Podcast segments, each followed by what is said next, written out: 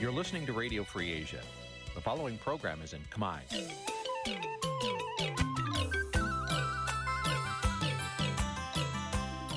នេះជាកម្មវិធីផ្សាយ Vuthu Azizi Serai នេះជាកម្មវិធីផ្សាយរបស់ Vuthu Azizi Serai ជាភាសាខ្មែរ Vuthu Azizi Serai សូមស្វាគមន៍លោកអ្នកនាងទាំងអស់ពីរដ្ឋធានី Washington នៃសហរដ្ឋអាមេរិក បាទលោកនាងកញ្ញាជាទីមេត្រីពីរដ្ឋធានីវ៉ាស៊ីនតោនខ្ញុំបាទសេកបណ្ឌិតសូមជម្រាបសួរអស់លោកនាងកញ្ញាទាំងអស់ជាទីមេត្រីបាទយើងខ្ញុំសូមជូនកម្មវិធីផ្សាយសម្រាប់រាត្រីថ្ងៃសៅរ៍100ខែបុស្សឆ្នាំខាលចត្វាស័កពុទ្ធសករាជ2566ត្រូវនឹងថ្ងៃ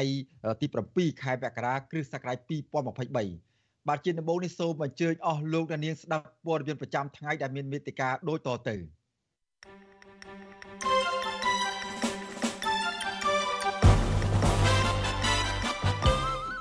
លោកហ៊ុនសែនប្រមានបន្តតាមកំចាត់លោកសំរាំងស៊ីគ្រួសារជនរងគ្រោះដែលបាត់ខ្លួនក្នុងករណីឆេះកាស៊ីណូមិនទាន់ទទួលដំណឹងពីសាច់ញាតិនៅឡើយម្ចាស់បទឈាមបាតកោព្រួយបារម្ភពីសុវត្ថិភាពក្រោយការគម្រាមរបស់ក្រសួងវប្បធម៌ក្រមគឧតកោ Nagawal ស្នើឲ្យតំណាងរាជបកកណ្ដាលអំណាច ជួយអន្តរាគមន៍ដោះស្រាយវិបត្តិការងារនិងដោះលែងប្រធានសហជីពរួមនឹងព័ត៌មានសំខាន់សំខាន់មួយចំនួនទៀត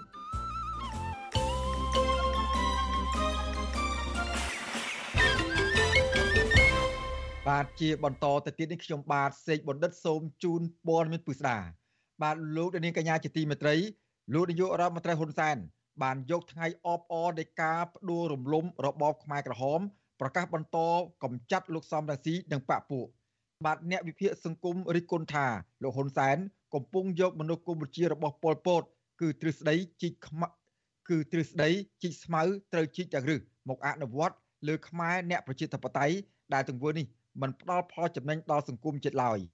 បាទលោកដានៀងនឹងបានស្ដាប់សេចក្តីរាយការណ៍អំពីរឿងនេះនាពេលបន្តិចទៀតហើយលោកដានៀងក៏នឹងបានស្ដាប់បទសម្ភាសន៍ជាមួយនឹងអ្នកវិភាគសង្គមអំពីមរតកថ្ងៃ7មករានៅពេលបន្តិចនេះដែរបាទសូមអរគុណ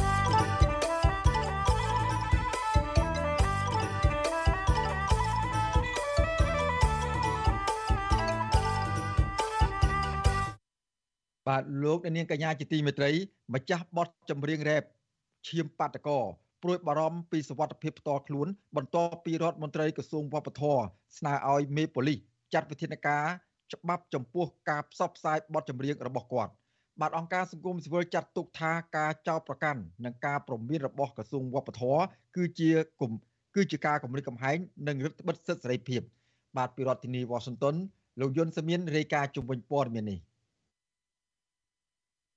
អ្នកចម្រៀង rap លោកគៀសគុណលើកឡើងថាបទចម្រៀងរបស់លោកដែលមានចំណងជើងថាឈាមបាតកោមិនមានខ្លឹមសារញុះញង់ឬបង្កចលាចលក្នុងសង្គមដោយការចោទប្រកាន់របស់ក្រសួងវប្បធម៌នោះទេលោកបញ្ជាក់ថាមុននឹងចេញផ្សាយបទចម្រៀងនេះលោកបានពិនិត្យខ្លឹមសាររួចរាល់ទៅហើយ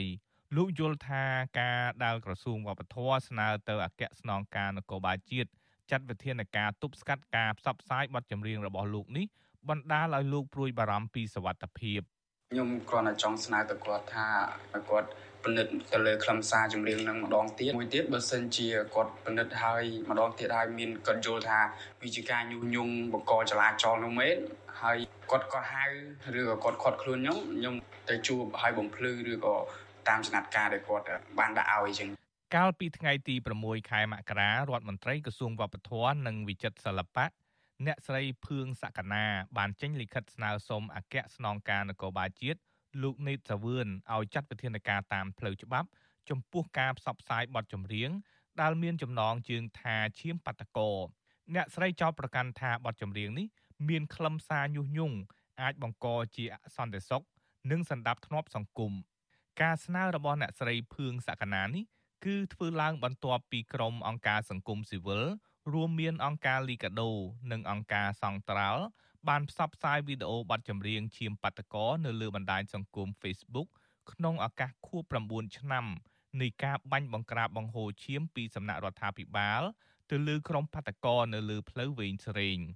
វីដេអូបទចម្រៀងឈាមបាតកោមានរូបភាពក្រុមបាតកោកំពុងធ្វើការដង្ហែក្បួនបាតកម្មនៅលើដងផ្លូវវែងស្រេង ដែលត្រូវក្រុមសមត្ថកិច្ចបាញ់និងវាយបង្ក្រាបដោយហិង្សា ដើម្បីបំបែកវងបាតកោដែលទាមទារដំឡើងប្រាក់ខែ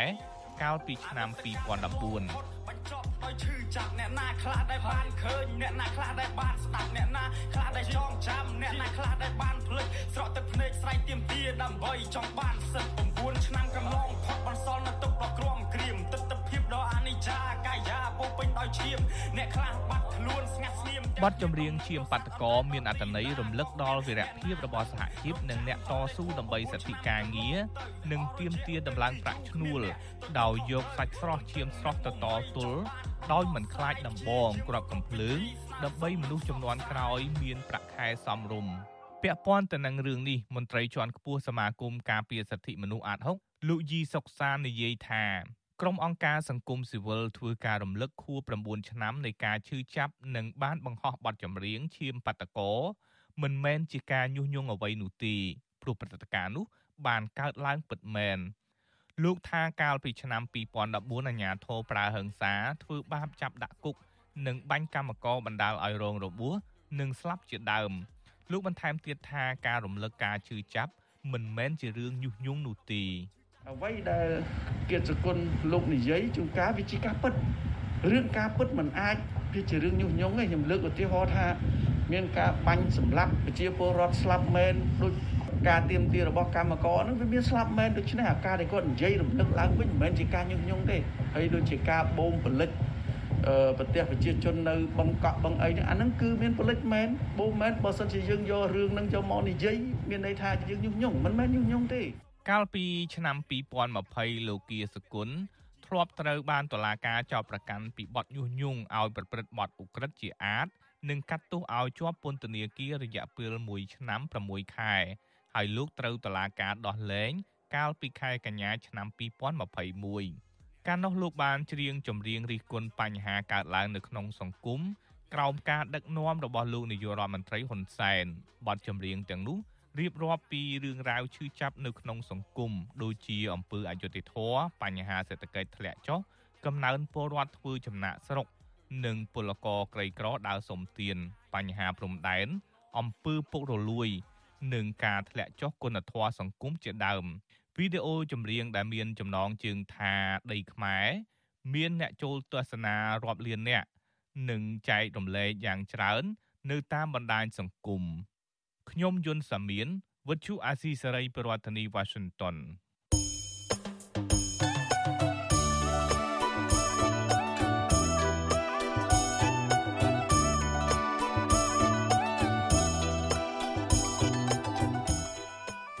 បាទលោកនាងកញ្ញាជាទីមេត្រីលោកនាងកំពុងតាមដានស្ដាប់ការផ្សាយរបស់វិទ្យុអសីសេរីពីរដ្ឋធានីវ៉ាស៊ីនតោនសហរដ្ឋអាមេរិក បាទដំណើរគ្នានឹងការស្ដាប់វិទ្យុអសីសេរីតាមបណ្ដាញសង្គម Facebook និង YouTube នោះលោកនាងក៏អាចស្ដាប់កម្មវិធីផ្សាយរបស់អសីសេរីតាមរយៈរលកធាតុអាកាសខ្លីឬ Shortwave តាមកម្រិតនិងកម្ពស់ដូចតទៅនេះបាទពេលព្រឹកចាប់ពីម៉ោង5កន្លះដល់ម៉ោង6កន្លះតាមរយៈប៉ុស FW 9.39 MHz ស្មើនឹងកម្ពស់ 32m និងប៉ុស FW 11.85 MHz ស្មើនឹងកម្ពស់ 25m និងពេលយប់ចាប់ពីម៉ោង7កន្លះដល់ម៉ោង6កន្លះដល់ម៉ោង8កន្លះតាមរយៈប៉ុស FW 9.39 MHz ស្មើនឹងកម្ពស់ 32m និងប៉ុស FW 11.88 MHz ស្មើនឹងកម្ពស់ 25m និងប៉ុស FW 15.15 MHz ស្មើនឹងកម្ពស់ 20m បាទសូមអរគុណ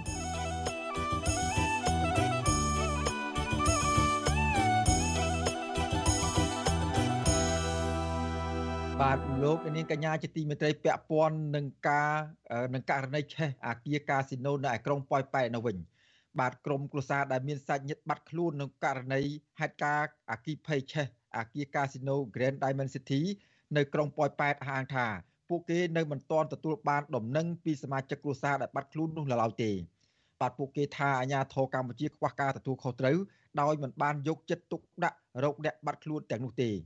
មន្ត្រីសង្គមស៊ីវិលជំរុញឲ្យអាជ្ញាធរកម្ពុជាពន្យាការធ្វើកសលវិច័យលើកសាកសពកំណត់អត្តសញ្ញាណអ្នកដែលបានបាត់ខ្លួនដើម្បីឲ្យក្រុមប្រឹក្សាពួកគាត់បានស្ងប់ចិត្តបាទពីរដ្ឋធានី Washington លោកយ៉ងច័ន្ទរារាយការណ៍ជុំវិញព័ត៌មាននេះក្រុមគ្រួសារដែលមានសមាជិកគ្រួសារបាត់ខ្លួននៅក្នុងហេតុការណ៍អគិភ័យឆេះកាស៊ីណូ Grand Diamond City នៅក្នុងក្រុងប៉ោយប៉ែតរិះគន់ថា អញ្ញាធរហាក់មានការយឺតយ៉ាវនិងមិនសូវអើពើជួយរកអ្នកដែលបាត់ខ្លួននោះទេ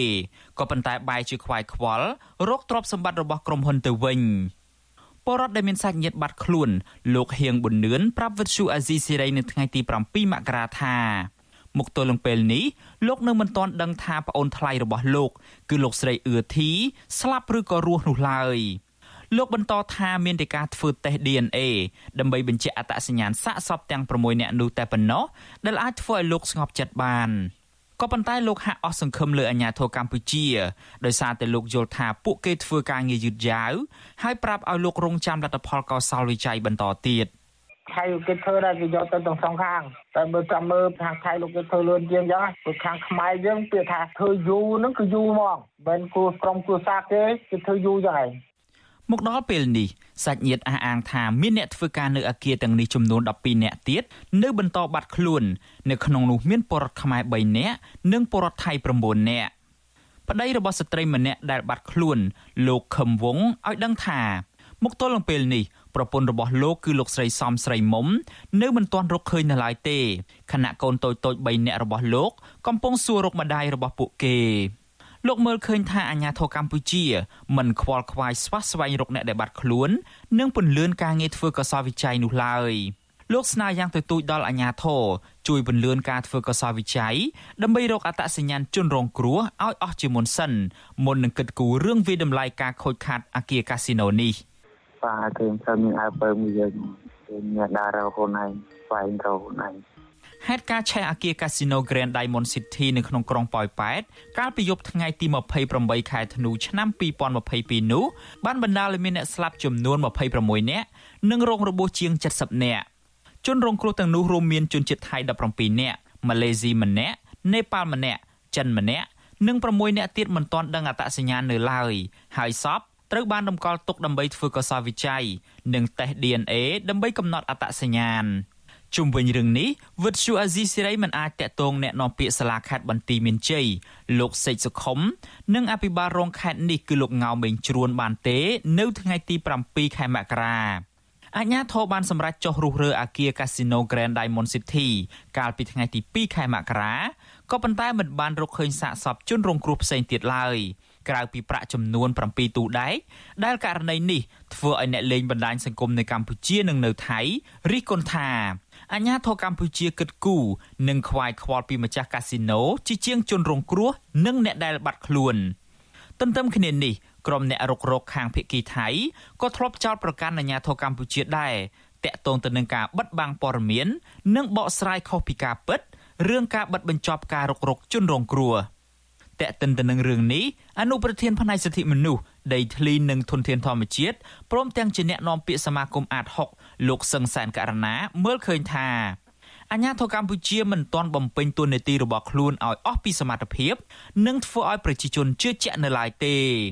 លោកជំរុញឲ្យអាញាធរកម្ពុជា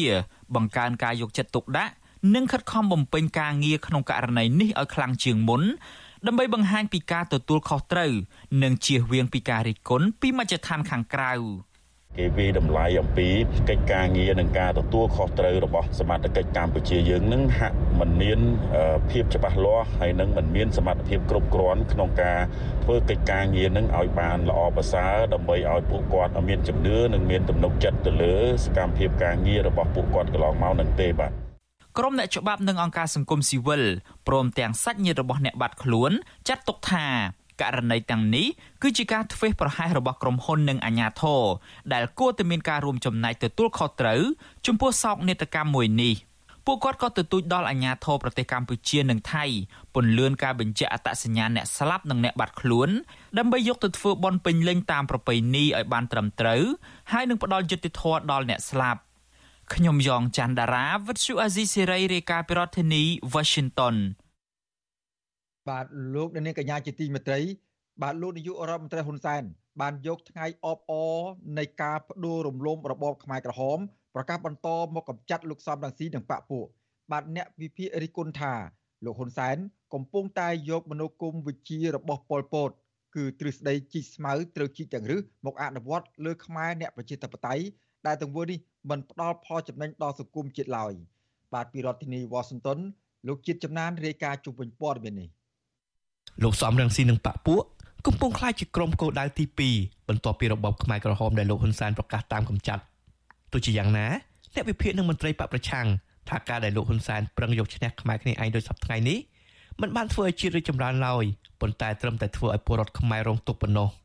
លោកហ៊ុនសែនថ្លែងថាលោកបន្តកំចាត់នយោបាយទណ្ឌិតក្បត់ជាតិនិងបកពួកដែលកំពុងរត់គេចខ្លួននៅក្រៅប្រទេសឲ្យអស់ពីសង្គមជាតិដែលលោកចោទប្រកាន់ថាជានយោបាយជ្រុលនិយម ទោះជាលោកហ៊ុនសែនមិនបញ្ចេញឈ្មោះមេដឹកនាំនយោបាយទណ្ឌិតក្បត់ជាតិថាជានរណាក្តីប៉ុន្តែទំនងគ្មាននរណាក្រៅពីលោកសំរងស៊ីនោះទេដែលត្រូវបានតុលាការរបស់រដ្ឋាភិបាលលោកហ៊ុនសែនកាត់ទោសពីបទក្បត់ជាតិនិងបទឧក្រិដ្ឋជាច្រើនករណីផ្សេងទៀតលោកហ៊ុនសែនក៏តែងតែហៅលោកសំរងស៊ីថាជាមេតនដិតក្បត់ជាតិផងដែរលោកក៏ប្រមានគណៈបកនយោបាយឬជនណាដែលបំរើនយោបាយឲ្យលោកសំរងស៊ីត្រូវតែកែប្រែខ្លួនឡើងវិញឲ្យទាន់ពេលវេលាបើពុំនោះទេនឹងត្រូវប្រឈមនឹងវិធានការច្បាប់ មិនត្រូវទុកឲ្យវាបន្តបំពុលសង្គមបំផ្លាញដំណើរការរីកចម្រើន និងបង្កការបែកបាក់ជាតិដែលនឹងនាំទៅដល់គ្រោះមហន្តរាយជាតិថ្មីទៀតសម្រាប់ប្រជាជាតិយើងយើងទាំងអស់គ្នាត្រូវតែបដូរផ្ដាច់កំចាត់ចោលនៅនយោបាយជ្រុលនិយមមិនថាឆ្វេងមិនថាស្ដាំឲ្យអស់ពីទឹកដីកម្ពុជាដើម្បីធានាថាកម្ពុជាគ្មានសង្គ្រាមនិងការបែកបាក់ជាតិតទៅទៀតលោកហ៊ុនសែន ប្រមានកំតិចលោកសំរងស៊ីក្នុងពេលដែលចូលរួមអបអរខូបអនុស្សាវរីយ៍លើកទី44នៃជ័យជំនះ7មករានៅរាជធានីភ្នំពេញដែលមានមនុស្សចូលរួមរាប់ពាន់នាក់នៅថ្ងៃទី7ខែមករា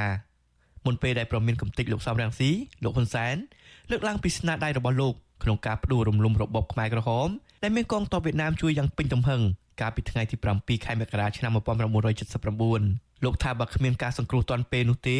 ប្រទេសកម្ពុជានឹងត្រូវក្រឡាប់ចាក់ចំណែកសិទ្ធិសេរីភាពរបស់ពលរដ្ឋក៏ត្រូវបាត់បង់ទាំងស្រុងលោកថាថ្ងៃ7មករាឆ្នាំ1979កែប្រែកម្ពុជាពីទឹកដីមរណៈមកជាទឹកដីលូតលាស់ស្រស់បំព្រង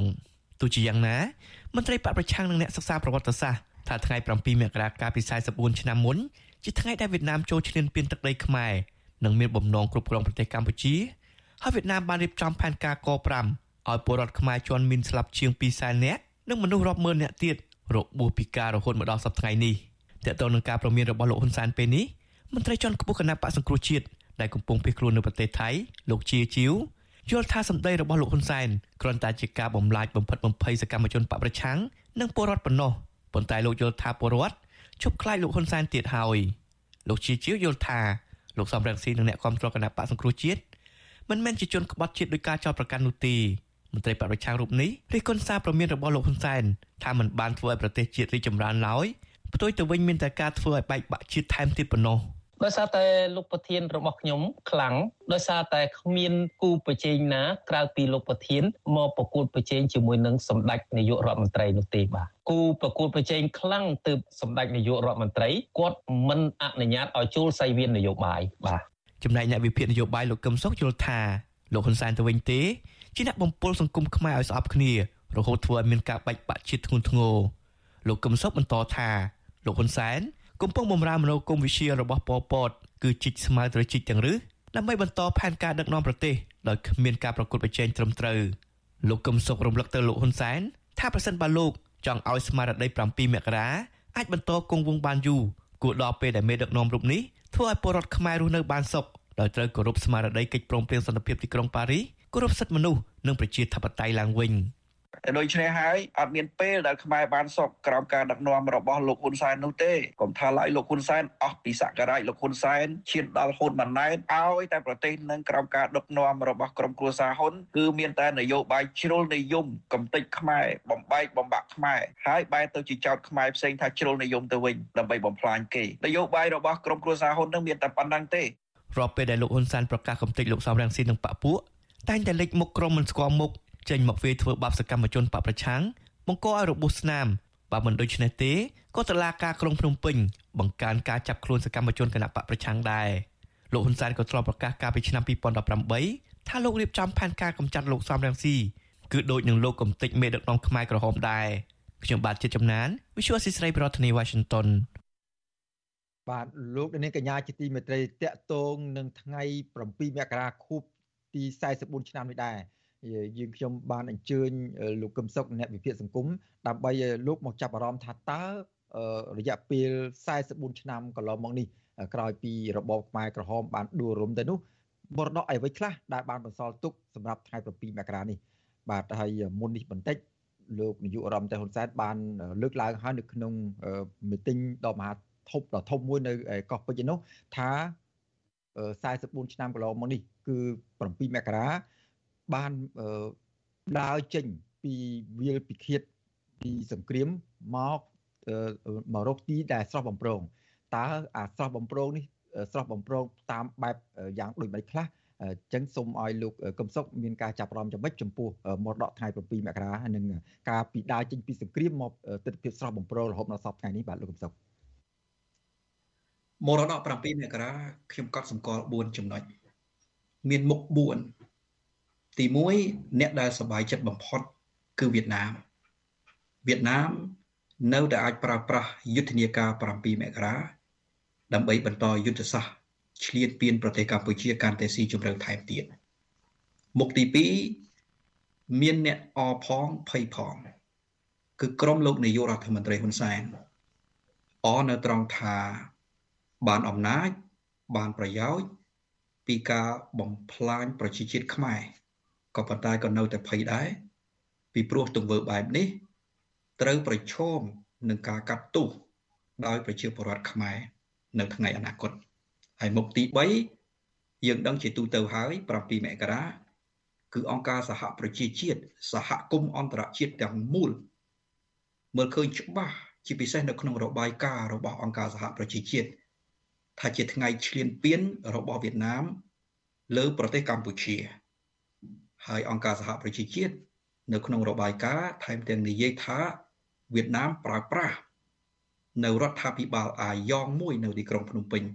រដ្ឋាភិបាលអាយ៉ងនោះយើងដឹងហើយមកដល់ពេលនេះគឺមានលោកនាយករដ្ឋមន្ត្រីហ៊ុនសែនជាអ្នកដឹកនាំដើម្បីត្រួតត្រាប្រទេសកម្ពុជាហើយមុខមួយទៀត7មករា គឺជាសោកនាដកម្មខ្លាំងណាស់សម្រាប់ប្រជាជាតិខ្មែរពីព្រោះក្រោយថ្ងៃ7មករាឆ្នាំ1979រដ្ឋាភិបាលអាយ៉ងហើយនិងកងទ័ពវៀតណាមឈ្លានពានជាង20ម៉ឺននាក់បានចុះកិច្ចព្រមព្រៀងនឹងសន្ធិសញ្ញាយ៉ាងតិច5ដើម្បីគ្រប់គ្រងកម្ពុជាហើយលទ្ធផលដូចយើងឃើញហើយ ទី1បន្តសម្លាប់ខ្មែរយ៉ាងរង្គាលថែមទៀត ពីរបបប៉ុលពតកម្ពុជាប្រជាធិបតេយ្យរបបប៉ុលពតអស់ជិត2លាននាក់ក៏ប៉ុន្តែរបបដែលដឹកនាំក្រោយថ្ងៃ7មករាក៏មិនតិចជាង30ម៉ឺននាក់ដែរក៏5ជាង20ម៉ឺនទៀតនឹងការសម្លាប់រង្គាលក្នុងរដ្ឋប្រហារឆ្នាំ1997បាតុកម្មឆ្នាំ1998បាតុកម្មនៅ ឆ្នាំ2013 14ក្រោយការបោះឆ្នោត ហើយនឹងបាតកម្មផ្សេងផ្សេងទៀតដែលប្រជាពលរដ្ឋទាមទារយុត្តិធម៌ដូច្នេះនៅតែបន្តអក្រិតកម្មសម្រាប់ប្រជាពលរដ្ឋខ្មែរដដែលទេចំណុចសំខាន់មួយទៀតដែលជាសោកនាដកម្មធំបំផុតរបស់ប្រជាជាតិខ្មែរគឺក្រោយថ្ងៃ7មករាខ្មែរបាត់បង់ទឹកដីច្រើនណាស់នៅតាមព្រំដែនបាត់បង់ដែនសមុទ្របាត់បង់កោះត្រល់ចង្កោមកោះក្រចកសេះ បាត់បង់ផ្ទៃសមុទ្ររហូតទៅដល់ជាង70000សំទុះជាង60000គីឡូម៉ែត្រការ៉េឯណោះមួយចំណែកធំទៅថៃសំទុះមួយចំណែកធំទៅវៀតណាម និងមួយចំណែកទៀតទៅថៃដូច្នេះសោកនាដកម្មថ្ងៃ7មករា1979បន្តមកដល់បច្ចុប្បន្នគឺបន្តអក្រិតកម្មសម្លាប់ជីវិតខ្មែរផងសម្លាប់ការរីកចម្រើនរបស់ប្រជាជាតិខ្មែរផង ហើយរឿងដែលប្រឈមនៅក្រៅថ្ងៃ7មករានេះទៀតសោតយើងឃើញច្បាស់ហើយសូម្បីតែខេត្តចំនួន4នៅភូមិអេសានរតនគិរីមណ្ឌលគិរីក្រចេះស្ទឹងត្រែងក៏កំពុងរងហានិភ័យបាត់បង់ដែរបាត់បង់នៅក្រោមគម្រោងនៃការអភិវឌ្ឍតំបន់ត្រីកោណកម្ពុជាវៀតណាមឡាវដែលគម្រោងនេះលោកនាយករដ្ឋមន្ត្រីហ៊ុនសែនថាជាអ្នកដែលគាត់ផ្ដួចផ្ដើមគំនិត ម្លោះហើយអ្វីដែលលោកនាយករដ្ឋមន្ត្រីហ៊ុនសែនកំពុងដឹកនាំក្រោយថ្ងៃ7មករា1979នេះគឺគឺកំពុងតែបន្តយុទ្ធសាស្ត្រមួយ ដែលធ្វើឲ្យពូជសាសន៍ខ្មែររងហានិភ័យខ្ពស់ខ្លាំងណាស់ចំណុចសម្កត់សម្គាល់មួយដែលខ្ញុំចង់បញ្ជាក់ជាចុងក្រោយ គឺលោកនាយករដ្ឋមន្ត្រីហ៊ុនសែននៅតែអនុវត្តផែនការមហិច្ឆតាឈ្លានពានរបស់វៀតណាម ដោយកំទេចចោលនៅកិច្ចព្រមព្រៀងសន្តិភាពទីក្រុងប៉ារីស ការកំទេចកិច្ចព្រមព្រៀងសន្តិភាពទីក្រុងប៉ារីសនឹងហើយដែលជាមូលដ្ឋានដ៏ធំនៃការបំផ្លាញប្រជាជាតិខ្មែរពីព្រោះកិច្ចព្រមព្រៀងសន្តិភាពទីក្រុងប៉ារីសនេះវាមានសេចក្តីការពារអធិបតេយ្យភាពទឹកដីខ្មែរផង ការពារអាយុជីវិតពូជសាសន៍ខ្មែរផង ធ្វើឲ្យខ្មែររីកចម្រើន ក្រោមការឃ្លាំមើលនិងជួយ ពីសហគមន៍អន្តរជាតិផង ដល់ចម្រុងចម្រើននៃសេដ្ឋកិច្ចរបស់ប្រទេសកម្ពុជាផងក៏សរសើរថារចនាសម្ព័ន្ធរបស់ជាតិខ្មែរនៅក្រោមជំនួយរបស់អង្គការសហប្រជាជាតិផងពេលដែលលោកហ៊ុនសែនកំទេចកិច្ចព្រមព្រៀងសន្តិភាពទីក្រុងប៉ារីស្មើនឹងលោកហ៊ុនសែនមានបំណងកំទេចចោលនៅពូជសាសន៍ខ្មែរដូច្នេះសមិទ្ធផល7មករា1979របស់លោកហ៊ុនសែននេះគឺពូជសាសន៍ខ្មែររងហានិភ័យ ហើយអ្នកដែលសប្បាយបំផុត គឺវៀតណាមទៅវិញទេបាទយ៉ាងណាក៏ដោយចុះលោកកំសុក អ្វីដែលលោកលើកឡើងអំពីសមិទ្ធផលថ្ងៃ7មករាក្នុងរយៈពេល40ឆ្នាំមកទល់នៅពេលនេះរដ្ឋាភិបាលលោកហ៊ុនសែនបានបដិសេធជាបន្តបន្ទាប់ដោយជាការបាត់បង់ទឹកដីកោះត្រល់តំបន់ព្រំដែនជាដើមក៏ថាមិនមែនជាការបាត់បង់នៅក្នុងរាជការដែលគាត់ដឹកនាំប្រទេសនោះទេហើយតំបន់ព្រំដែនមួយចំនួនទៀតនោះគាត់ក៏មានការអះអាងបន្តបន្តដែរមានការបញ្ច្រាស់នេះថាមិនមានការបាត់បង់ឡើយហើយពេលនេះទៀតសោតនៅក្នុងខួប44ឆ្នាំដែលបានប្រពធ្វើនៅកោះពេជ្រដែលមានអ្នក ចូលរួមយ៉ាងច្រើនកកនោះលោកបានប្រកាសឲ្យថាកម្ពុជារយៈពេល44ឆ្នាំមកនេះដើរចេញពីទឹកដីមរណៈមកទឹកដីស្រស់បំព្រងតើចំណុចនេះចង់ឲ្យលោកកឹមសុខឆ្លុះបញ្ចាំងមើលថាតើពីទឹកដីមរណៈមកស្រស់បំព្រងសោះបំព្រងយ៉ាងម៉េចលោកកឹមសុខមើលឃើញភាពវិជ្ជមានក្នុងរយៈពេល44ឆ្នាំក្រោយថ្ងៃ7មករានេះដែរខ្លះទេបាទបើយើងពិនិត្យត្រឹមតែថា ប្រជាពលរដ្ឋខ្មែរលែងបាត់បង់ជីវិត ជិត2លាននាក់នោះអាចរាប់ថាជាការដើរចេញពីទឹកដីមរណៈប៉ុន្តែពេលដែលយើងពិនិត្យអំពីការបន្តសម្លាប់ខ្មែរ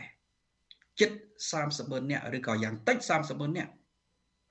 ក្រោយថ្ងៃ7មករា1979ឆ្លោះបញ្ចាំងទៅមើលតើខ្មែររួចផុតពីទឹកដីមរណៈហើយឬនៅនេះមួយទី2 នៅពេលដែលលោកនាយករដ្ឋមន្ត្រីហ៊ុនសែននៅតែអនុវត្តនយោបាយកំចាត់អ្នកដតីបំផ្លាញអ្នកដតីហើយនយោបាយនេះគឺពុំមានអ្វីក្រៅតែពីមនោគមវិជ្ជារបស់ប៉ុលពតដដែលជីកស្មៅត្រូវជីកជើងទាំងឬផ្សំជាមួយនឹងមនោគមវិជ្ជាវៀតណាមបំភាន់ខ្មែរឲ្យស្អប់ខ្មែរបំពុលខ្មែរឲ្យបំផ្លាញខ្មែរមនោគមវិជ្ជាទាំងពីរនេះតើខ្មែរយើង អាចដើរកិច្ចផុតពីទឹកដីមរណៈហើយឬនៅ ពីព្រោះប្រសិនបើយើងចង់ដើរឲ្យគេចផុតពីទឹកដីមរណៈវាទាល់តែយើងគោរពបាន នៅខ្លឹមសាររដ្ឋធម្មនុញ្ញឆ្នាំ1993និងកិច្ចព្រមព្រៀងសន្តិភាពទីក្រុងប៉ារីហើយកិច្ចព្រមព្រៀងសន្តិភាពទីក្រុងប៉ារីនោះហើយដែលខ្ញុំនិយាយម្ដងទៀតថាគឺជាខ្លឹមសារដ៏ស្រស់បំព្រងនៃប្រជាជាតិខ្មែរពីព្រោះការពារទាំងទឹកដីខ្មែរ អាយុជីវិតពូជសាសន៍ខ្មែរនិងផ្ដល់ការរីកចម្រើនដល់ប្រទេសកម្ពុជាប៉ុន្តែក្រោយថ្ងៃ7មករា1979ខ្មែរយើងបានទទួលនៅទស្សនវិជ្ជានៃការរីកចម្រើនសោះប្រំពងដោយលោកនាយករដ្ឋមន្ត្រីហ៊ុនសែនទេមិនមែនទេ អ្វីដែលយើងមើលឃើញគ្រាន់តែអាគារសង់ខ្លះទូទាំងប្រទេសកម្ពុជាស្ពានផ្លូវសារារៀនតែប៉ុណ្ណឹងក៏ប៉ុន្តែអ្វីដែលយើង អាចឆ្លោះបញ្ចាំងបាន អំពីសោកនាដកម្មរបស់ជាតិវិញ យើងសួរថាតើធនធានធម្មជាតិរបស់ប្រទេសខ្ទេចខ្ទាំកម្រិតណាដូចជាព្រៃឈើរ៉ែបើយើងសរុបទូទាំងប្រទេសរាប់ម៉ឺនលានដុល្លារបាត់បង់ទៅណាឧទាហរណ៍ការបំផ្លិចបំផ្លាញធនធានរបស់ប្រទេសការលុបបំជាដើមបង្កវិនិស្សកម្មនិងហានិភ័យដល់កម្រិតណាទៅដល់ជីវភាពរបស់ប្រជាពលរដ្ឋក្នុងពេលបច្ចុប្បន្នការមិនអើពើ អំពីសេដ្ឋកិច្ចកម្ពុជាដោយមិនគោរពនៅកិច្ចព្រមព្រៀងសន្តិភាពទីក្រុងប៉ារីខ្មែរយើងបាត់ឥទ្ធិពលនឹងការរីកចម្រើនដោយសារតែរងភាពស្រអាប់នៃទណ្ឌកម្មរបស់សហគមន៍អន្តរជាតិហើយនឹងការដែលបន្តដាក់សម្ពាធដោយសហគមន៍អន្តរជាតិទៅលើប្រទេសកម្ពុជា ដោយសារតែការដឹកនាំរបស់លោកនាយករដ្ឋមន្ត្រីហ៊ុនសែនដែលមិនគោរពរដ្ឋធម្មនុញ្ញដូច្នេះកាលណាប្រទេសជាតិមួយ ដែលមានមេដឹកនាំមិនគោរពរដ្ឋធម្មនុញ្ញទៅហើយម្ល៉េះហើយវាបង្កនៅមហន្តរាយធំណាស់ទៅដល់ប្រជាជាតិខ្មែររបស់យើង គឺកម្ពុជាទាំងមូលរងនៅភាពចលាចលហើយចលាចលនៃសង្គមនឹងហើយ ដែលធ្វើឲ្យយើងមិនអាចរីកចម្រើនបានតើយើងនិយាយអំពីការអភិវឌ្ឍប្រទេសជាតិស្រស់បំព្រងដោយរបៀបណាទៅ នៅពេលដែលការបាត់បង់ការងាររបស់កម្មករកម្មការិនីកាន់តែច្រើន ហើយប្រជាពលរដ្ឋចំណាក់ស្រុកក៏កាន់តែច្រើនទៀតអ្នកដែលគ្មានទោសត្រូវគេកាត់ទោសឲ្យជាប់គុកហើយអ្នកដែលគ្មានទោសសោះត្រូវគេចោទប្រកាន់ថាជាជនក្បត់ជាតិទៅដើមជាដើមនៅលើទឹកដីនៃប្រទេសកម្ពុជាយើងមែនទែនទៅភាពស្រស់បំព្រងវាគ្រាន់តែជាភ្លើងពណ៌លំអភ្នែករបស់ក្រុមលោកនាយករដ្ឋមន្ត្រីហ៊ុនសែនដែលកំពុងដឹកនាំកំទេចជាតិតែប៉ុណ្ណោះក៏ប៉ុន្តែប្រជាពលរដ្ឋខ្មែរភាគច្រើនលើសលប់កំពុងតែរងគ្រោះវេទនាបំផុត ខ្ញុំលើកទិន្នន័យមួយចុះសូម្បីតែកុមារនៅប្រទេសកម្ពុជាយើងសពថ្ងៃកុមារដែលពុំបានទទួលនៅអឺអាហាររូបត្ថម្ភរហូតទៅដល់40%ទៅហើយឆ្នាំ2021ពុំបានទទួលនៅអាហារូបត្ថម្ភគ្រប់គ្រាន់នេះតាមទិន្នន័យរបស់ UNICEF មានតែ35%ប៉ុណ្ណោះនៃកុមារកម្ពុជា ដែលមានអាហារូបត្ថម្ភគ្រប់គ្រាន់ដូច្នេះ នេះជាភាពស្រស់បំព្រងសម្រាប់កម្ពុជាទេខ្ញុំមើលមិនឃើញដោយលោកនាយករដ្ឋមន្ត្រីហ៊ុនសែនឡើយខ្ញុំមើលមិនឃើញថាកម្ពុជាក្រោយព្រឹត្តិការណ៍7មករា1979ដើរចេញពីទឹកដីមរណៈនោះទេពីព្រោះក្នុងរបបកម្ពុជាប្រជាធិបតេយ្យដែលសម្លាប់ខ្មែរជិត2លាននាក់នោះក៏ពិតមែនក៏ប៉ុន្តែគ្រាន់តែចាប់ផ្ដើមរបបថ្មីមួយ ដែលគ្រប់គ្រងដោយវៀតណាមក្រោយថ្ងៃ7មករា1979ក៏បន្តសោកនាដកម្មសម្លាប់ខ្មែរទៀតយើងដឹងហើយផែនការក5អស់យ៉ាងតិចជាង20ម៉ឺននាក់នឹងការសម្លាប់ខ្មែរក្នុងព្រឹត្តិការណ៍ផ្សេងផ្សេងទៀតរដ្ឋប្រហារឆ្នាំ1997បាតុកម្មនៅឆ្នាំ1998បាទ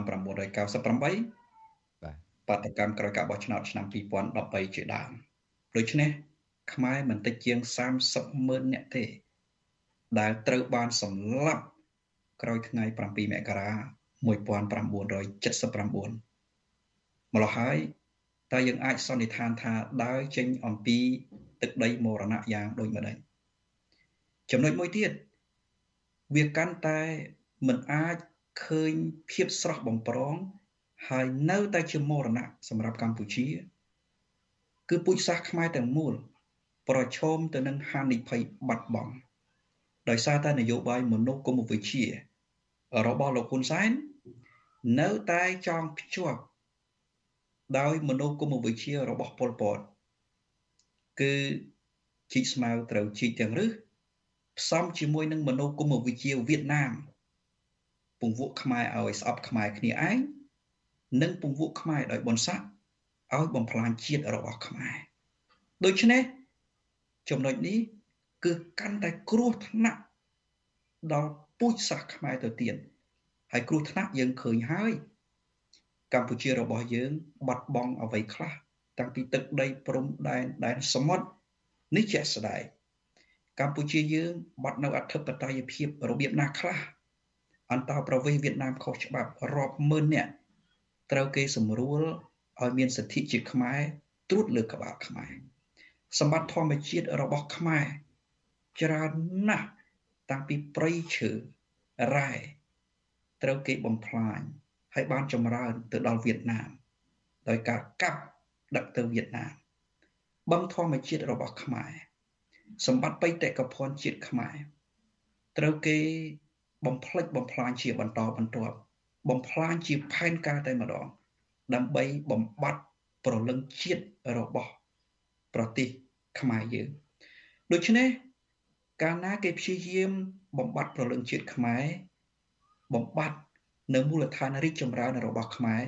ដូចជាការមិនគោរពកិច្ចព្រមព្រៀងសន្តិភាពទីក្រុងប៉ារីសជាដើមវាកាន់តែគ្រោះថ្នាក់ទៅដល់ប្រជាជាតិខ្មែរយើងហើយគ្រោះថ្នាក់ដែលធំបំផុតគឺខ្មែរយើងស្រអាប់ ស្រអាប់រហូតទៅដល់អាចคลายទៅជាឡាវទី2នៅថ្ងៃអនាគតប្រសិនបើអំណាចរបស់លោកហ៊ុនសែនដែលនៅតែធ្វើជា អ្នកបំរើមហិច្ឆតាឈ្លានពានរបស់វៀតណាមបន្តទៅលោកហ៊ុនម៉ាណែតឬក៏និយាយជារួមអំណាចក្រុមគ្រួសារហ៊ុនតែម្ដងនៅបន្តស្ថិរភាពរបស់ពួកគេយូរអង្វែងតទៅទៀតប្រសិនបើយើងមើលឃើញត្រឹមតែថា មានសំណង់អគារថ្មីថ្មីស្ពានផ្លូវសារារៀនមន្ទីរពេទ្យក្នុងប្រទេសកម្ពុជា ក្នុងកម្រិតដូចសពថ្ងៃ ថាជារឿងស្រស់បំព្រងនោះយើងយល់ច្រឡំហើយពីព្រោះសម្បត្តិទាំងអស់នោះវាកើតឡើង ពីការបំផ្លិចបំផ្លាញប្រទេសកម្ពុជាផងមានន័យថាគេបំផ្លិចបំផ្លាញអស់រាប់សិបម៉ឺនលានដុល្លារយកបន្តិចបន្តួចទៅសង់ដើម្បីទៅឃោសនាតែប៉ុណ្ណោះហើយមួយយ៉ាងវិញទៀត សម្បត្តិនោះមួយចំណែកក៏ជាជំនួយរបស់សហគមន៍អន្តរជាតិដែរដូច្នេះគេគ្រាន់តែរៀបចំសិល្បៈនៃការផ្សព្វផ្សាយរបស់ពួកគេ តាមរយៈសំណង់ហេដ្ឋារចនាសម្ព័ន្ធបន្តិចបន្តួច ថាជាភាពស្រស់បំព្រងក៏ប៉ុន្តែប្រលឹងជាតិសម្បត្តិជាតិនិងប្រព័ន្ធគ្រប់គ្រងជាតិទាំងមូលត្រូវគេបំផ្លិចបំផ្លាញឲ្យរញ៉េរញ៉ាយក្រោមមនោគមវិជ្ជាធ្វើឲ្យខ្មែរស្អប់ខ្មែរ មនោគមវិជ្ជា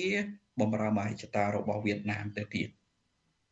បាទអរគុណបាទជំបាត់សូមជម្រាបជូនលោកដែលស្ដាប់ដែលកំពុងតាមដានស្ដាប់នៅទស្សនាការផ្សាយរបស់វិទ្យុអេស៊ីសរ៉ៃសម្រាប់រាត្រីថ្ងៃសៅរ៍នេះដែរថារាល់អ្វីដែលលោកកឹមសុខបានលើកឡើងមកនេះគឺជាការឆ្លុះបញ្ចាំងលើទស្សនៈរបស់លោកផ្ទាល់ មិនមែនជាទស្សនៈឬមួយក៏ចំហរបស់វិទ្យុអេស៊ីសរ៉ៃនោះទេបាទបាទលោកកឹមសុខចង់លើកមួយចំណុចទៀតដែរថ្ងៃនេះដែរគឺថាគណៈបកកណ្ដាលអំណាចរដ្ឋាភិបាលលោកហ៊ុនសែនក៏ឆ្លៀតយកថ្ងៃ7មករាក្នុងខួប44ឆ្នាំនេះចាក់បញ្ចាំងរឿងខ្សែភាពយន្តមួយដែលមានចំណងជើងថាទុកស្រីប្តីព្រាត់តើអឺទុកស្រីប្តីព្រាត់នេះជាឆ្លុះបញ្ចាំងអំពីការបែកបាក់ក្រុម សង្គមគ្រួសាររបស់លោកនាយករដ្ឋមន្ត្រីហ៊ុនសែននៅក្នុងរបបខ្មែរក្រហមតើលោកឆ្លុះបញ្ចាំងឃើញយ៉ាងម៉េចដែលគណៈបកកណ្ដាលអំណាចលោកនាយករដ្ឋមន្ត្រីហ៊ុនសែនលើកយកខ្សែភាពយន្តនេះមកចាក់បញ្ចាំងនៅចំថ្ងៃខួប44ឆ្នាំ7មករាថ្ងៃដួលរំលំនៃរបបខ្មែរក្រហមនេះបាទពិតមែនហើយស្ត្រីមានទុកហើយ នៅពេលដែលស្វាមីរបស់ខ្លួនព្រាត់ទៅព្រាត់ដោយរបៀបណាក៏ដោយព្រាត់នៅពេលដែល ខ្លួនកំពុងតែពេញស្រឡាញ់ក៏ប៉ុន្តែការប្រឹងផ្សព្វផ្សាយរឿងទុកស្រីប្តីព្រាត់របស់លោកនាយករដ្ឋមន្ត្រីហ៊ុនសែននេះខ្ញុំគិតថាទី1កាន់តែឆ្លោះបញ្ចាំងឲ្យស្ត្រីដែលកំពុងតែរងគ្រោះនៅប្រទេសកម្ពុជាសពថ្ងៃកាន់តែឈឺចាប់ថែមទៀតទៅវិញទេ គឺឈឺចាប់ពីព្រោះតែពេលនេះ មិនមែនជាសម័យសង្គ្រាមឯណាក៏ប៉ុន្តែបែរទៅជាស្វាមីរបស់ពួកគាត់ដែលជាសកម្មជននយោបាយជាអ្នកនយោបាយសកម្មជនសង្គមត្រូវអាជ្ញាធររបស់លោកនាយករដ្ឋមន្ត្រីហ៊ុនសែនចាប់ដាក់គុកដោយពុំមានកំហុសតាមផ្លូវច្បាប់ទាល់តែសោះដូច្នេះវាកាន់តែធ្វើឲ្យស្ត្រីរងគ្រោះនៅប្រទេសកម្ពុជាសពថ្ងៃ ធ្វើការប្រៀបធៀបទៅឈឺចាប់កាន់តែខ្លាំងឡើងចំពោះលោកនាយករដ្ឋមន្ត្រីហ៊ុនសែនហើយចំណុចទី2រឿងទុកស្រីប្តីព្រាត់របស់ក្រុមគ្រួសារហ៊ុនជារឿងយូរមកហើយហើយវាកើតឡើងនៅក្នុងសម័យសង្គ្រាម សង្គ្រាមស្ទើរតែពេញពិភពលោកដូច្នេះគ្មានស្ត្រីណាមួយ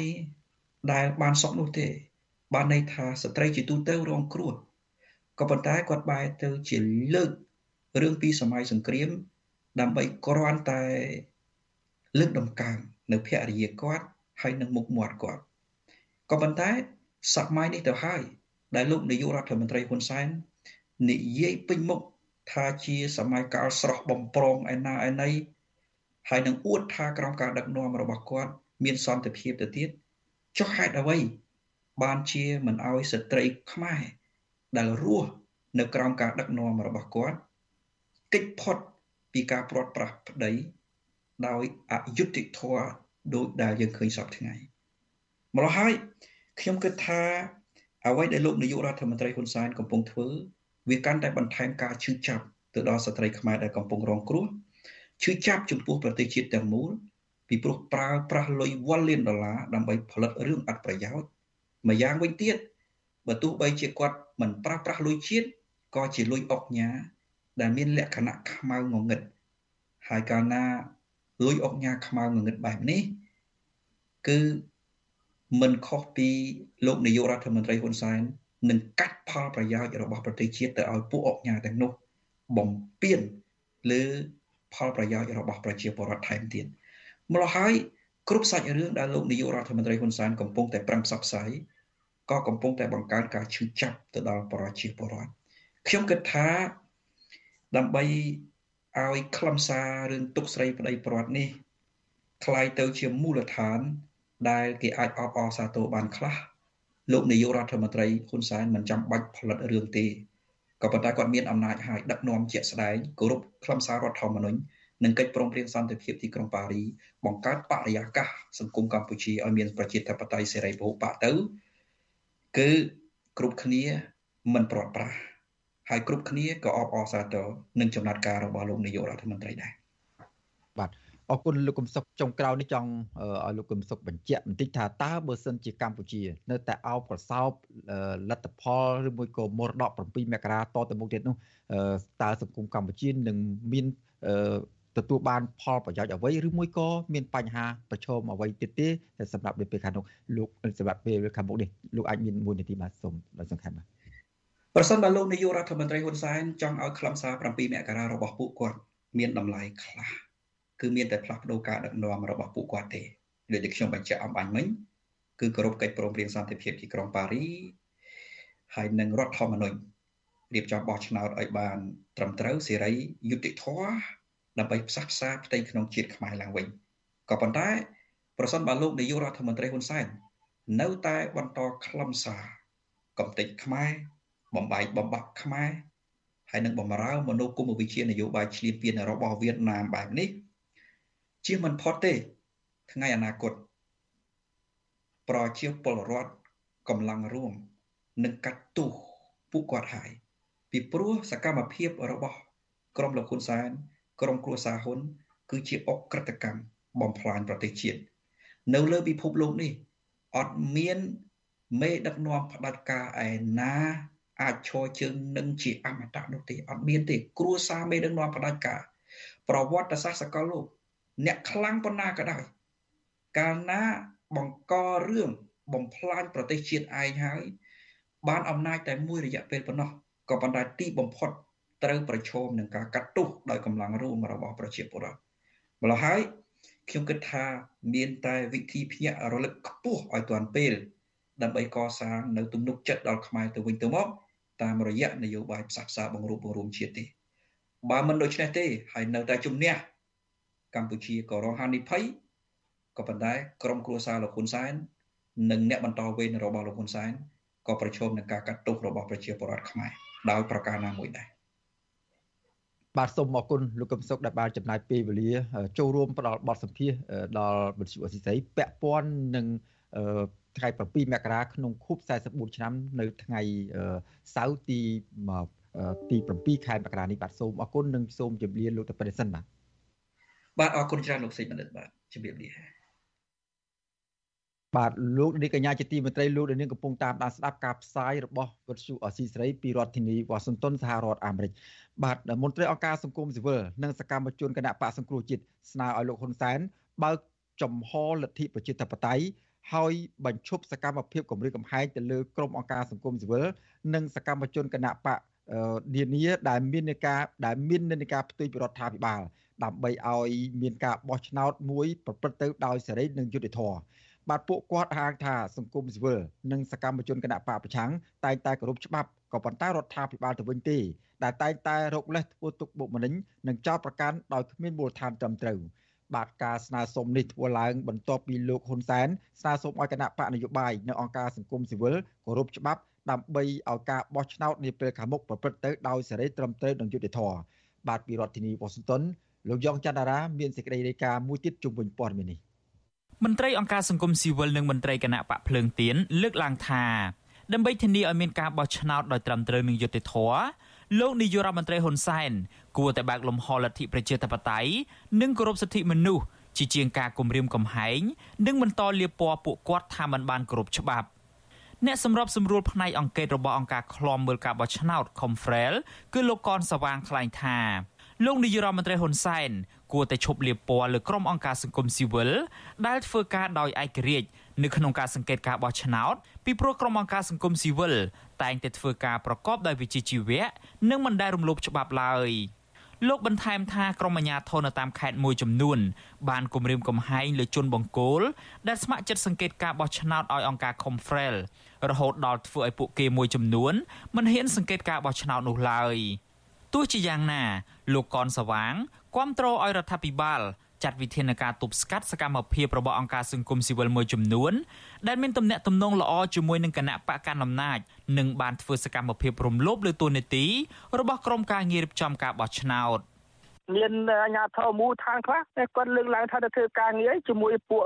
បដិវត្តពណ៌ណាជាមួយអង្គការប្រឆាំងរដ្ឋាភិបាលទម្រង់បែបនេះហើយដែលធ្វើឲ្យដំណើរការហ្នឹងវាមិនមានភាពជឿជាក់បានទេពីព្រោះទម្រង់បែបនេះគឺជាទម្រង់ដែលរុញច្រានឲ្យមានការមិនសុខចិត្តពីការចូលរួមរបស់ដៃគូប្រកួតប្រជែងនឹងថែមទៀត ប្រតិកម្មរបស់មន្ត្រីអង្គការសង្គមស៊ីវិលបែបនេះគឺក្រោយពីប្រធានគណៈបកប្រជាជនកម្ពុជាលោកហ៊ុនសែនបានគម្រាមកំហែង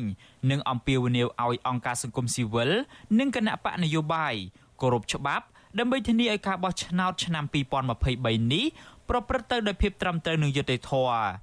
លោកហ៊ុនសែនបញ្ចេញសារបែបនេះនៅក្នុងពេលលោកប្រារព្ធទិវាជ័យជំនះ7មករា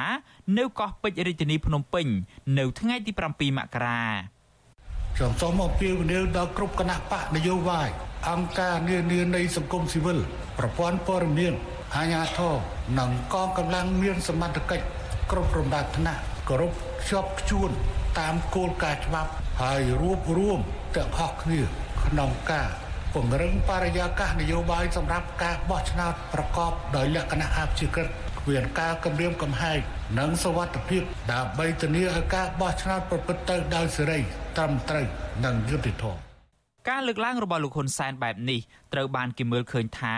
គ្រាន់តែជាចេតនាចង់បំភាន់សាធារណជនប៉ុណ្ណោះពីព្រោះកន្លងទៅក្រុមអង្គការសង្គមស៊ីវិលអ្នកនយោបាយបកប្រឆាំងនិងសារព័ត៌មានឯករាជ្យមិនអាចបំពេញការងាររបស់ខ្លួនបានពេញលេញឡើយដោយសារតែការគំរាមកំហែងពីសំណាក់ក្រុមអាជ្ញាធរលើពីនេះទៅទៀតអ្នកនយោបាយគណៈបកប្រឆាំងនិងសង្គមស៊ីវិលមើលឃើញថា ក្រមអាជ្ញាធរនិងគណៈបកកណ្ដាលអំណាចទៅវិញទេ ដែលតែងតែបំពានច្បាប់បោះឆ្នោត ហើយធ្វើបាបអ្នកដែលមានទស្សនៈផ្ទុយជុំវិញរឿងនេះអនុប្រធានក្រុមការងារគណៈបកភ្លឹងទៀនខណ្ឌពោធិ៍សែនជ័យរាជធានីភ្នំពេញលោកនុលពងធីរិតថ្លែងថាដើម្បីឲ្យការបោះឆ្នោតឆ្នាំ2023នេះមានការទទួលស្គាល់ពីក្រមប្រទេសប្រជាធិបតេយ្យនិងអង្គការអន្តរជាតិលោកហ៊ុនសែនត្រូវតែបើកលំហលទ្ធិប្រជាធិបតេយ្យ និងបញ្ឈប់ការគំរាមកំហែងលើសកម្មជនបកប្រឆាំងតទៅទៀតជាមួយគ្នានេះលោកទទូចដល់រដ្ឋាភិបាល និងអាជ្ញាធរពាក់ព័ន្ធឲ្យចាប់ជនដៃដល់ដែលបានប្រើអំពើហិង្សាលើរូបលោក និងសកម្មជនគណៈបកប្រឆាំងផ្សេងទៀតដើម្បីបង្ហាញគំរូភាព នៅក្នុងការលើកកម្ពស់ការប្រកួតប្រជែងនយោបាយដោយសុចរិត និងយុត្តិធម៌ ខ្ញុំសូមទទូចឲ្យរាជរដ្ឋាភិបាលមុននឹងធ្វើរឿងអ្វីមួយដែលតាក់ទងនឹងការគម្រាមកំហែងការចាប់ចងសូមឲ្យពិនិត្យទៅលើផ្លូវច្បាប់ឲ្យបានច្បាស់លាស់ទី1ទី2ខ្ញុំចង់ឲ្យរាជរដ្ឋាភិបាលបើកលំហ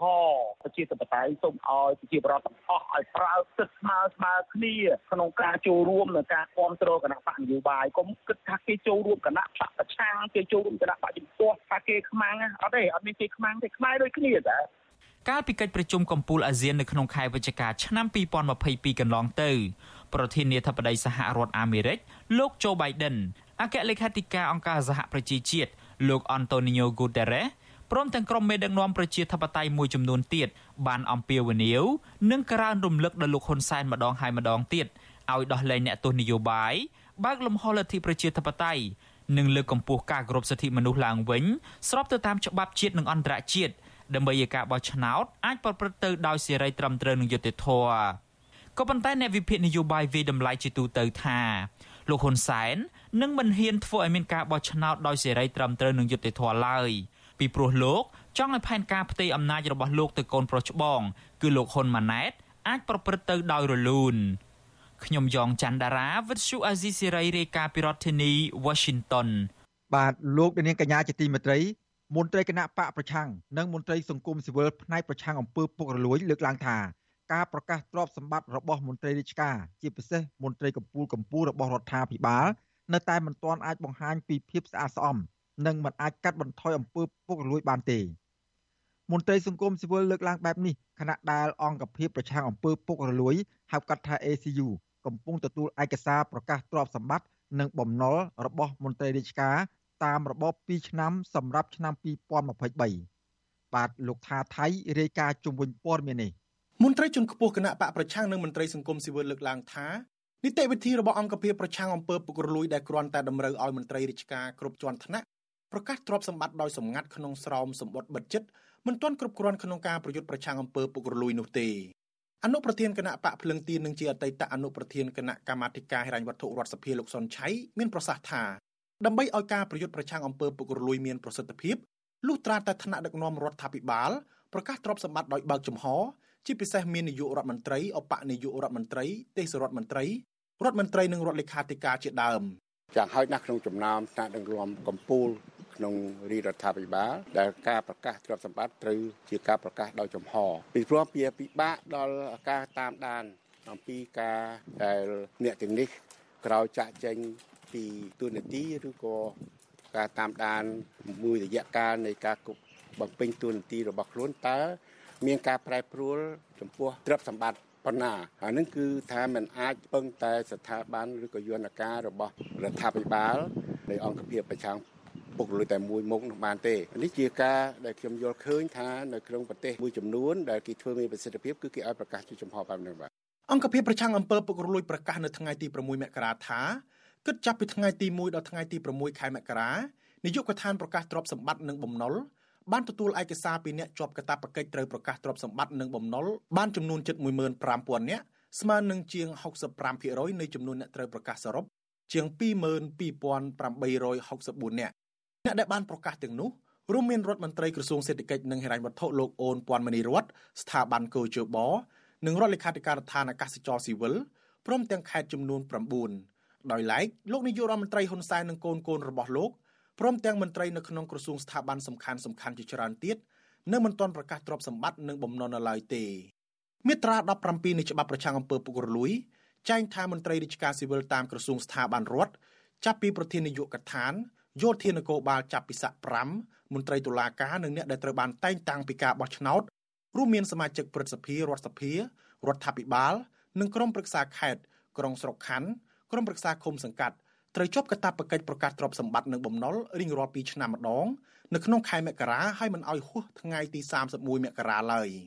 តាមច្បាប់ប្រឆាំងអំពើពុករលួយការប្រកាសទ្រព្យសម្បត្តិនិងបំណុលនេះធ្វើឡើងដោយសម្ងាត់បិទក្នុងស្រោមសម្បត្តិចំណែកលុយក្នុងធនាគារមិនតម្រូវឲ្យប្រកាសនោះទេតាកតងរឿងនេះវិទ្យុអាស៊ីសេរីមិនអាចតាកតងសុំការឆ្លើយតបពីប្រធានអង្គភិបប្រឆាំងអំពើពុករលួយលោកអោមយុនទៀងនិងប្រធានអង្គភិបអ្នកណែនាំពាក្យរដ្ឋាភិបាលលោកផៃស៊ីផានបានទេ ដោយទូរស័ព្ទចូលពុំមានអ្នកទទួលនាយិកានៃអង្គការគណៈកម្មាធិការប្រឆាំងអំពើពុករលួយអ្នកស្រីមុំស៊ីថាស្វាគមន៍ចំពោះការប្រកាសទ្រព្យសម្បត្តិក៏ប៉ុន្តែអ្នកស្រីយល់ថាការប្រកាសជាសម្ងាត់ដោយមិនបង្ហាញជាសាធារណៈបែបនេះស្មើនឹងមិនបានប្រកាសដដែលអ្នកស្រីបន្តថាវិធីនេះគ្រាន់តែជាផ្នែកតូចមួយប៉ុណ្ណោះក្នុងការប្រឆាំងអំពើពុករលួយដែលកំពុងចាក់ស្រេះជាប្រព័ន្ធនឹងឈានដល់កម្រិតអាសន្ននៅក្នុងប្រទេសកម្ពុជា ណាមិនមែនតែអង្គភាពមួយទៅមកប្រឆាំងធ្វើពុរុយមកប្រទេសបានទេតើតែមានការគ្រប់គ្រងពីបរដ្ឋណាមន្ត្រីរាជការស៊ីវិលទាំងអស់ណាចូលរួមក្នុងការប្រយុទ្ធប្រឆាំងតាបានទៅរួចដល់ព័ត៌មានចូលរួមមិនថាបើលឹកបំផាត់គេហៅថាវប្បធម៌ស៊ីសំណូកអីចឹងទៅតើអស់បានបានបានជួយជំនឿជាក់ចឹងណាឲ្យគាត់ធ្វើទៅគេមកពុកអលួយក៏ធ្វើទៅគេដែរណារឿងអីបានថាការប្រឆាំងមិនទៅធ្វើទៅគេទេពុកអលួយក៏ធ្វើទៅគេយុទ្ធនាការទំនុំទលាយជារួមទៅណាកាលពីឆ្នាំ2011 លោកហ៊ុនសែនបានប្រកាសទ្រព្យសម្បត្តិជាសម្ងាត់ទៅអង្គភាពប្រឆាំងអំពើពុករលួយដោយលោកចាត់ទុកថាជាផ្នែកមួយនៃការប្រឆាំងអំពើពុករលួយលោកបានបញ្ជាក់នៅពេលនោះទៀតថាលោកមិនមានប្រភពចំនួនអ្វីផ្សេងទៀតនោះទេក្រៅពីប្រាក់បៀវត្សចំនួន4លាន6សែនរៀលឬស្មើប្រមាណ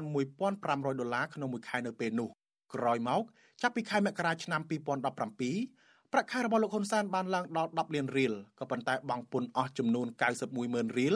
នៅសល់តែជាង9លានរៀល ឬប្រមាណជាង2200ដុល្លាររីឯប្រាក់ខែរដ្ឋមន្ត្រីឬទេសរដ្ឋមន្ត្រីឡើងដល់4លាន5សែនរៀលប្រាក់ខែរដ្ឋលេខាធិការឡើង3លាន5សែនរៀលនិងប្រាក់ខែអនុរដ្ឋលេខាធិការឡើងដល់2លាន8សែនរៀលក៏ប៉ុន្តែបើទោះបីជាលោកហ៊ុនសែននិងក្រុមមន្ត្រីរបស់លោកភាគច្រើនចេញពីត្រកូលអ្នកមានជីវភាពសាមញ្ញធម្មតានិងកសាងជីវភាពពីបាតដៃទទេក្រោយដួលរលំរបបខ្មែរក្រហមហើយមានអាជីពជាមន្ត្រីបម្រើសេវាសាធារណៈពេញមួយជីវិតដោយទទួលបានប្រាក់ខែទាបក្តី ក៏ប៉ុន្តែបើពិនិត្យទៅលើទ្រព្យសម្បត្តិនិងជីវភាពរស់នៅរបស់ពួកគេសពថ្ងៃនេះវិញខុសគ្នាសឹងមិនគួរឲ្យជឿសពថ្ងៃនេះគ្រាន់តែនីលការដៃរបស់លោកហ៊ុនសែនសុទ្ធតែជាប្រភេទល្បីល្បីមានតម្លៃរាប់លានដុល្លារសូម្បីតែក្បាលខ្សែក្រវ៉ាត់និងសម្លៀកបំពាក់របស់មន្ត្រីទាំងនោះក៏មានតម្លៃចាប់ពីខ្ទង់ពាន់រហូតដល់ម៉ឺនដុល្លារដែរក្រៅពីនេះពួកគេម្នាក់ម្នាក់មានភូមិគ្រឹះស្កឹមស្កៃពី3កន្លែងជាមួយគ្នានេះក្រុមមន្ត្រីរដ្ឋាភិបាលនិងខ្សែស្រឡាយមេដឹកនាំធំធំ ក៏កំពុងល្បីល្បាញរឿងផ្ញើលុយនៅធនាគារក្រៅប្រទេសយ៉ាងច្រើនសន្ធឹកសន្ធាប់ហើយជិះលុយទិញសញ្ជាតិបរទេសដូចជាករណីសាច់ញាតិរបស់លោកហ៊ុនសែនក្រុមគ្រួសាររបស់លោកអូនពាន់មនីរតក្រុមគ្រួសាររបស់លោកជាសុផារ៉ានិងក្រុមគ្រួសាររបស់លោកណេតសាវឿនជាដើមអ្នកស្រីមុំស៊ីថាសង្កេតឃើញថាបើផ្អែកទៅលើប្រាក់ខែឬប្រភពចំណូលរបស់មន្ត្រីក្រាកក្រាករដ្ឋាភិបាលមិនស៊ីសង្វាក់គ្នាទៅនឹងទ្រព្យសម្បត្តិនិងជីវភាពរស់នៅរបស់ពួកគេនោះទេ អំពើពុករលួយណាវាជាគ្រប់ថ្នាក់វាជាអ្នកបំផ្លាញអាយុជីវិតជាតិមានសូមឲ្យអាសាទាំងអស់គ្នាចាប់អារម្មណ៍ពីពិសេសគឺអង្គភាពណាដែលមានទូនីតិហើយនឹងថាវិធានទាំងអស់ណាដែលកម្ចាត់ណាចូលរួមបំផុសបំផុលឲ្យខ្លាំងជាងហ្នឹងណាដើម្បីឲ្យមានថាមហាជនប្រជាជនចូលរួមណាក៏គឺទៅគេមកណាច្បាប់អនុវត្តឲ្យមានប្រសិទ្ធភាពទៅឲ្យមានស្តង់ដារតែមួយក្រោមដំបូលត្រីជាតែមួយគឺយើងឲ្យមានស្តង់ដារអនុវត្តតែមួយអ្នកខុសត្រូវតែទទួលចំអុកទៅតាមថាច្បាប់ណាកំណត់របាយការណ៍អង្គការឃ្លាំមើលពិភពលោក Global Witness ផ្សាយកាលពីឆ្នាំ2016បង្ហាញថាត្រកូលរបស់លោកហ៊ុនសែនកំពុងក្តាប់ក្តាប់សេដ្ឋកិច្ចធំធំរបស់កម្ពុជាដោយអំពើពុករលួយ រំលោភអំណាច និងរំលោភសិទ្ធិមនុស្សដើម្បីការពារអំណាចរបស់លោកហ៊ុនសែនគ្រួសារត្រកូលហ៊ុនបានកាន់កាប់ផ្ទាល់ឬកាន់កាប់ដោយផ្នែកក្នុងក្រុមហ៊ុនជាច្រើនដែលមានដើមទុនចុះបញ្ជីជាង200លានដុល្លារសហរដ្ឋអាមេរិកក៏ប៉ុន្តែអង្គការ Global Witness អះអាងថា ពួកគេមានភាគហ៊ុនច្រើនជាងនេះក៏ប៉ុន្តែលាក់បាំងព័ត៌មានប្រទេសកម្ពុជានៅតែបន្តជាប់ចំណាត់ថ្នាក់អាក្រក់ជាងប្រទេសនានាក្នុងតំបន់និងនៅលើពិភពលោកខាងប្រព្រឹត្តអំពើពុករលួយ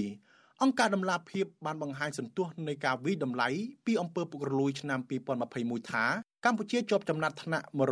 157ក្នុងចំណោមប្រទេសនិងដែនដីសរុបចំនួន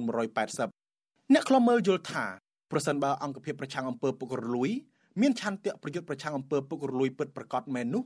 បើទោះបីជាពួកគេដើរបិទភ្នែកក៏អាចចាប់អ្នកប្រព្រឹត្តអំពើពុករលួយបានដែរខ្ញុំថាថៃពីទីក្រុងមែលប៊នបាទលោកនាងកញ្ញាជាទីមេត្រីឥឡូវយើងក៏លេចទៅមើលស្ថានភាពរបស់ក្រមគុតកោ Nagawal វិញម្ដង បាទក្រមគុតកោ Nagawal បន្តទទូចឲ្យរដ្ឋាភិបាលដោះស្រាយវិវាទការងារឲ្យបានឆាប់រហ័សគណៈការបោះឆ្នោតជ្រើសរើសតាំងតំណាងរាស្ត្រចិត្តចូលមកដល់ បាទក្រមគឧតកោបានប្រមូលផ្ដុំគ្នាចេញតវ៉ានៅថ្ងៃទី7ខែមករានេះដើម្បីទទួលបានដើម្បីទទូចសូមឲ្យរដ្ឋាភិបាលនិងក្រុមហ៊ុនដោះស្រាយវិវាទការងាររោគភាពយុធរនិងដោះលែងដំណើរសហជីពឯករាជ្យឲ្យពួកគេមានសេរីភាពឡើងមកវិញបាទក្រុមកោតកោនៅតែបន្តឈរផ្លុំពៃចែកពេញប៉ោងនិងលើកបដានៅខាងមុខក្រុមហ៊ុន Nagavel ទាមទារឲ្យថៅកែគ្រប់សិទ្ធិការងារទទួលយកកម្មករនិងសហជីពទាំងអស់ចូលធ្វើការវិញ។ បាទលោកនាងកញ្ញាជាទីមេត្រី ការផ្សាយរបស់វិទ្យុអាស៊ីសេរីសម្រាប់ប្រតិទិថ្ងៃសៅរ៍នេះបានឈានចូលមកដល់ទីបញ្ចប់ហើយយើងខ្ញុំសូមជូនពរដល់អស់លោកនាងឲ្យជួបប្រកបតែនឹងសេចក្តីសុខចម្រើនរុងរឿងកំបីគ្លៀងគ្លេឡើយខ្ញុំបាទសេកបណ្ឌិតនិងក្រុមការងារទាំងអស់របស់វិទ្យុអាស៊ីសេរីសូមអរគុណនិងសូមជម្រាបលា បាទរាត្រីសួស្តី